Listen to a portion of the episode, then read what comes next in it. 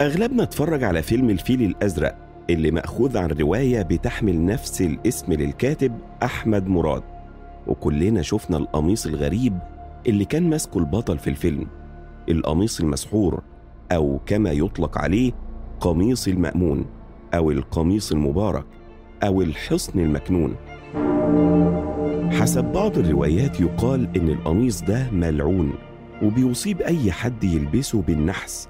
وبيعيش طول حياته في عذاب لغاية ما يموت. ناس كتير بتقول إنه قميص السلطان أبو العباس عبد الله بن هارون الرشيد الملقب بالمأمون. وهو أحد سلاطين الدولة العباسية اللي في فترة حكمه كانت في القرن الثامن ميلاديا. والبعض بيدعي إن القميص ده يخص أحد سلاطين بلاد فارس. وكان معروف بالمجون وحبه للشهوات والنساء. البعض بيعتقد إنه تم تصميمه لضمان هلاك صاحبه اللي انتشر الفساد في عهده. وناس بتقول إنه اتصنع بغرض حمايته من الشرور والأذى وفك النحس. لكن إيه حكاية القميص الغريب ده؟ وموجود فين دلوقتي؟ وإيه سر الرسومات والزخارف العجيبة اللي عليه؟ في البداية أحب أقول لك إن الاسم اللي اتذكر في الفيلم غير صحيح. والقميص كان مملوك للشاة صفي الثاني ابن عباس الثاني الملقب بالسلطان سليمان الأول الصفوي.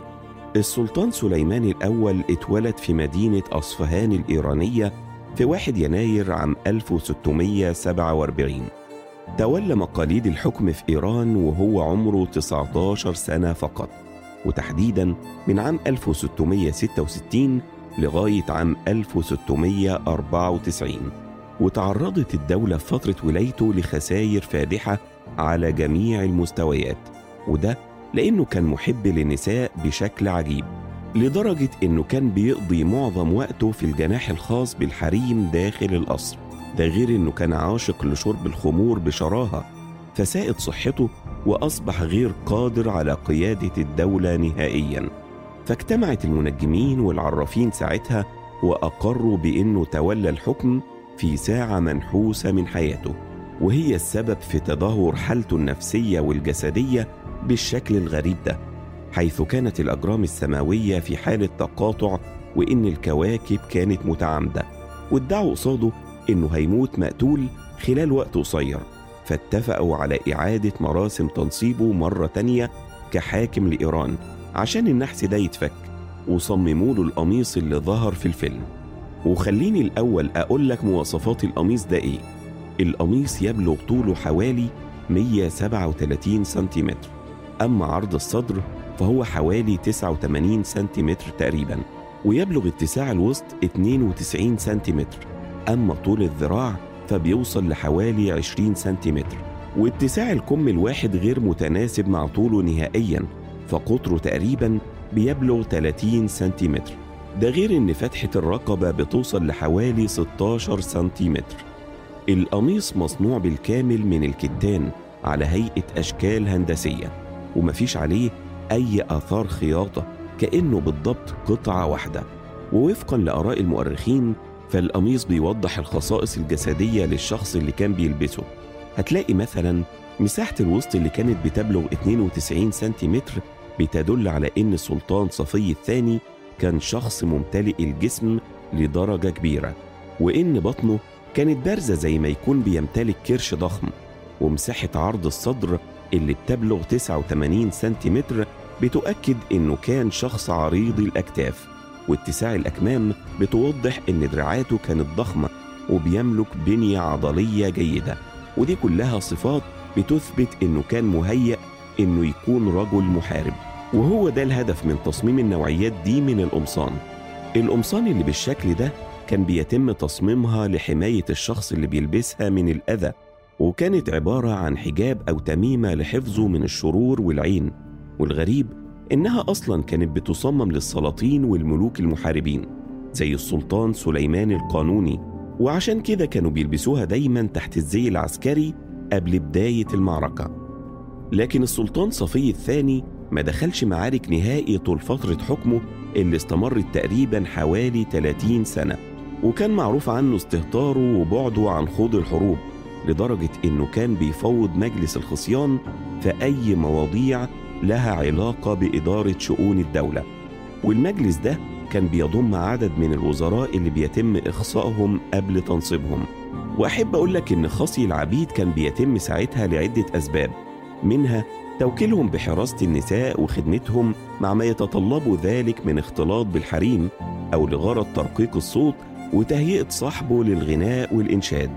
والسلطان صفي الثاني كان عاشق للنساء وبيقضي يومه بالكامل وسطهم من وهو طفل صغير. وعشان كده كان بيخسر رجال الدولة ضمانا لعدم تعرضهم للنساء في القصر. زي مثلا هشام باشا ناصر ومحمد فرج الله حسن. وغيرهم كتير من الوزراء المخصيين اللي زاد نفوذهم في عهده بشكل كبير. فانتشر الفساد في الإمبراطورية الصفوية في عهده وضعف الانضباط في الجيش بصورة رهيبة وبدأت الدولة تسلك طريقها نحو الهاوية لدرجة إن الدولة تعرضت لغارات عنيفة من الأوزبك والكلمك في عهده دون أي استجابة منه. وتم الاستيلاء على جزيرة قشم عند مضيق هرمز في أول سنة من حكمه.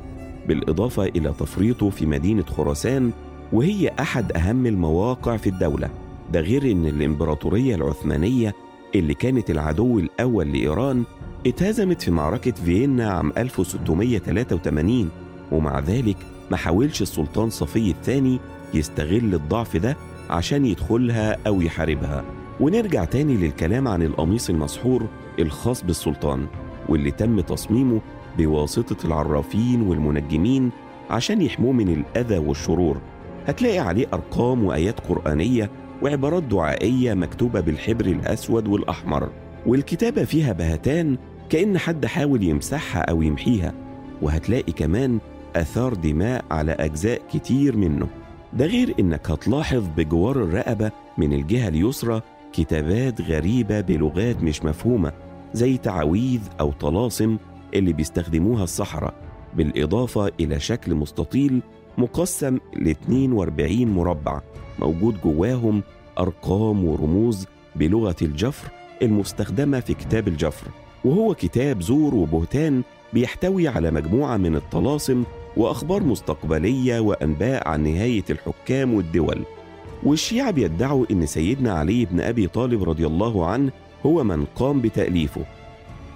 وجميع الباحثين حتى الآن مش عارفين إذا كان السلطان صفي الثاني لبس القميص ده ولا لأ. وده لأنهم متأكدين إن اللي كان لابسه مات مقتول في حين إن السلطان مات في 29 يوليو عام 1694 بسبب إفراطه العجيب في تناول الخمور أو بسبب داء النقرس. القميص موجود حاليا في المتحف الإسلامي في القاهرة. لكن مش هو القطعة الوحيدة المتبقية من النوعية دي من القمصان. هتلاقي غيره سبع قمصان موجودين في عدد من المتاحف العالمية غير المتحف الإسلامي الموجود في مصر زي إيران وتركيا. لكن هو إزاي وصل للمتحف الإسلامي أصلا؟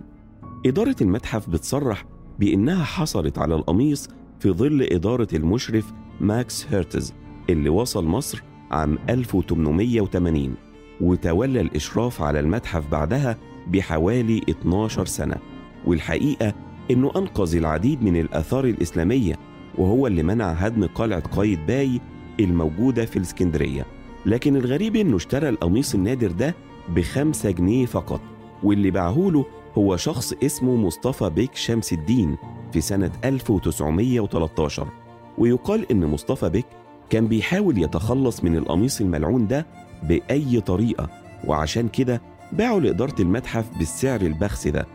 الأغرب من كده إن ماكس هيرتز اجتمع بالمسؤولين في وزارة الأوقاف عشان يقول لهم إن في واحد اسمه مصطفى بيك بيعرض عليه قميص شكله غريب ومصنوع من أجود أنواع الكتان ومرسوم عليه نقشات هندسية عجيبة ملهاش تفسير.